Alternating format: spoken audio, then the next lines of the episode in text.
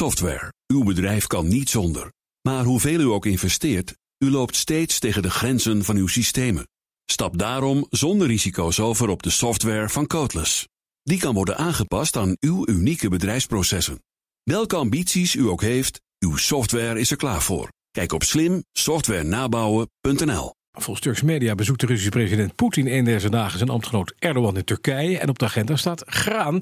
Gaan we onder meer over praten met buitenlandcommentator Bernard Hammelburg en Europa-verslaggever Geert-Jan Hamann. Goedemorgen. Goedemorgen. Goedemorgen. Allereerst even Geert-Jan, hoe is het afgelopen nacht gegaan in de Oekraïne?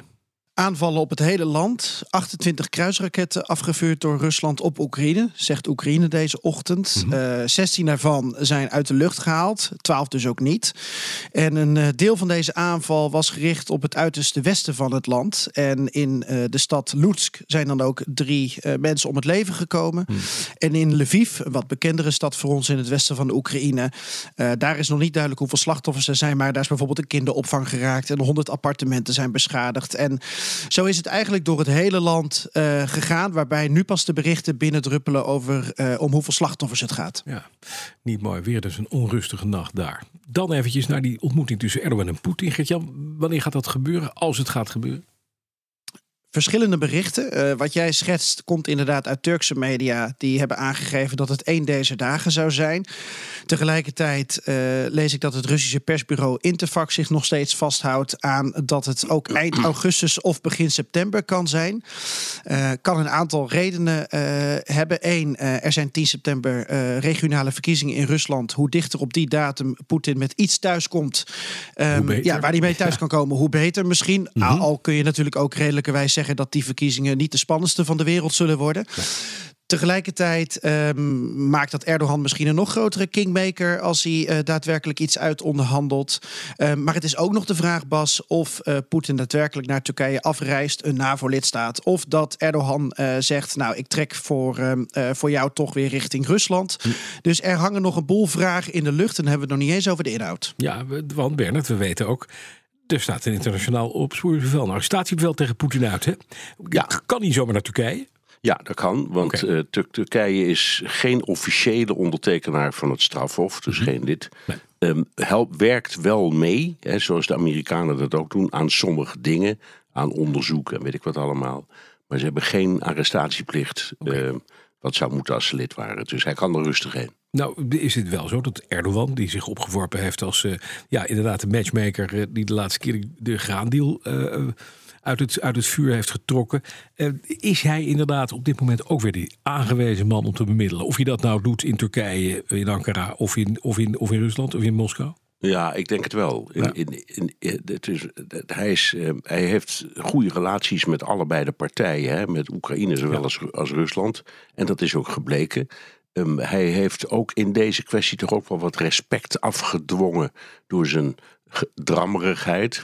Het is, denk, het is ook gewoon een man die ijdel is, dus hij wil graag mooi weerspelen. En het is een hele belangrijke deal. Ja.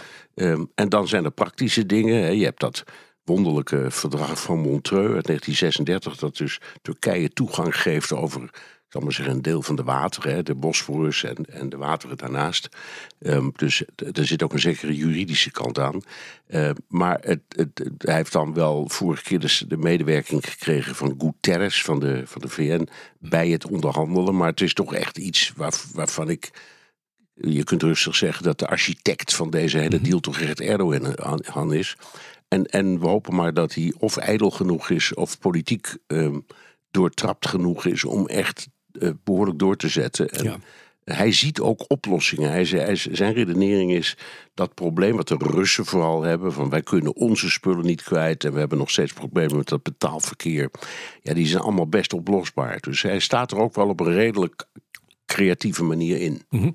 Nu is de grote vraag: komt er dan inderdaad een deal? Uh, Jan zei het al eventjes: er, komt een, uh, er komen verkiezingen aan in Rusland. Die zullen niet heel spannend zijn, maar toch. We weten ook dat er de laatste tijd weer schepen in de, in, de, in de Zwarte Zee. door de Russen worden geënterd. Hebben we het gisteren nog over gehad. maar staat er staat zo'n deal te gebeuren? Inderdaad, kan Erdogan er een deal uitslepen? Weer een graandeal? De partij weer om tafel krijgen, denk je? Ik denk dat het ehm, de enige persoon is waar we uh, op dit moment op kunnen hopen dat er weer een, een, een deal is. Want alle andere uh, landen en leiders en ook uh, VN, en ik had het er nog gisteren met Bernard over aan de telefoon gisteravond: van ja, waar blijft die VN nou? Ja. er is niemand anders die het oppakt. En iedereen is bezig met alternatieve graanroutes, maar niet met alternatieve graandeals. Ja. Dus ik denk dat het het enige is waar we op kunnen hopen. En het, het is heel moeilijk om vanuit beide partijen te zeggen van die deal gaat te komen. Ik denk wel dat ze dus zo lang mogelijk ermee wachten. Ja, nog eventjes naar die alternatieve graanroutes inderdaad, want die zijn er. Het Roemenië gaat de hoeveelheid Oekraïns graan dat door de Roemeense wateren getransporteerd wordt verdubbelen. Van 2 naar 4 miljoen ton. Dan denk ik, ja, til het maar eens op. Maar het is niks volgens mij. Het is niet veel. Nou, het is toch wel significanter, ja. uh, omdat het per maand is. Ah. En uh, als je kijkt naar wat uh, er sinds die graandeal is uh, getransporteerd, dan gaat het om 32 miljoen ton graan. Dat sinds vorig jaar begin augustus um, ja, onder die graandeal dus kon worden geëxporteerd. Ja. En Roemenië heeft nu gezegd bij een bijeenkomst met Oekraïne, Moldavië, de EU en Amerika. En die laatste is er ook omdat het een enorme logistieke operatie is om zoveel te transporteren. Dus er zijn spullen nodig en er is geld nodig. Nou, Roemenië heeft gezegd: wij willen dat zo snel mogelijk per maand, wat we nu doen uh, is 2 miljoen ton graan. Dat willen we opvoeren naar 4 miljoen ton, okay. uh, ton graan. En uh, so, um, Bas, ik heb nog even gekeken naar wat dat ook qua kosten dan scheelt. Mm -hmm. Want we weten allemaal dat via een bulkschip en vervolgens via binnenschepen is vele malen goedkoper dan als je zoiets over, over spoor of met vrachtwagens moet doen. Ja. en er is becijferd vorige week door persbureau Reuters dat als je bijvoorbeeld over land zou willen transporteren, dan kost het per ton graan 30 à 40 dollar meer. Nou, heb ik even uitgerekend. Als je het dus hebt over dat Roemenië 4 in plaats van 2 miljoen ton graan wil oppakken. Ja. Wat dus via uh, de Donau kan gaan. Ja, precies.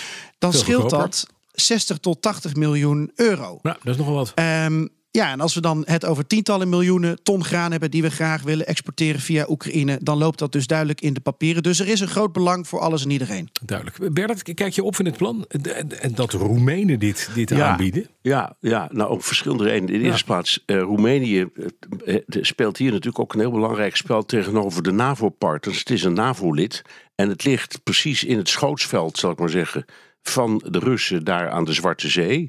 Um, er, er, is een incident geweest. Hè. Er was een plan om uh, graan te vervoeren. Wel degelijk door de Zwarte Zee, maar dan helemaal vlak langs de kust van um, uh, uh, Roemenië. Mm -hmm. Um, en, en, uh, en daar is toen een, een schot gelost op een van de schepen die daar in de buurt voert. Dus dat werd, nou ja, dat was een schending van hun territoriaal gebied.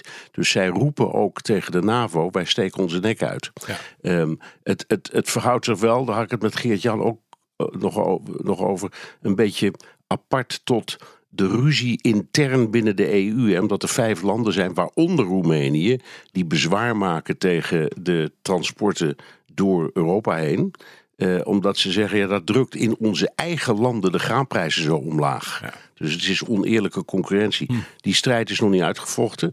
Uh, Roemenië maakt daar deel van uit, maar kiest toch hiervoor het principe, denk ik. Ja. En misschien ook wel um, een, een roep om aandacht van um, uh, de NAVO. Kijk eens, wij, als er, hier, als er hier maar ook maar iets gebeurt, jongens dan is dat artikel 5. Wil je dat even goed beseffen? Precies, ik denk dat dat, dat ook zijn. allemaal een rol speelt. Ja, duidelijk. Ja, en het is ook gewoon handel, heren. Dus Roemenië, maar ook Kroatië en zelfs de Baltische landen willen heel graag nu uh, uh, veel, meer, ja, veel meer graan transporteren. Ja. En die kunnen dus vanuit de EU dan eventueel geld krijgen. Kunnen ze hun havenstructuur mee opbouwen.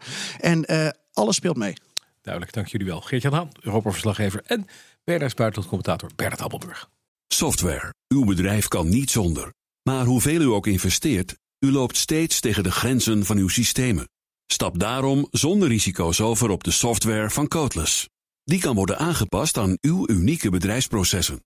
Welke ambities u ook heeft, uw software is er klaar voor. Kijk op slimsoftwarenabouwen.nl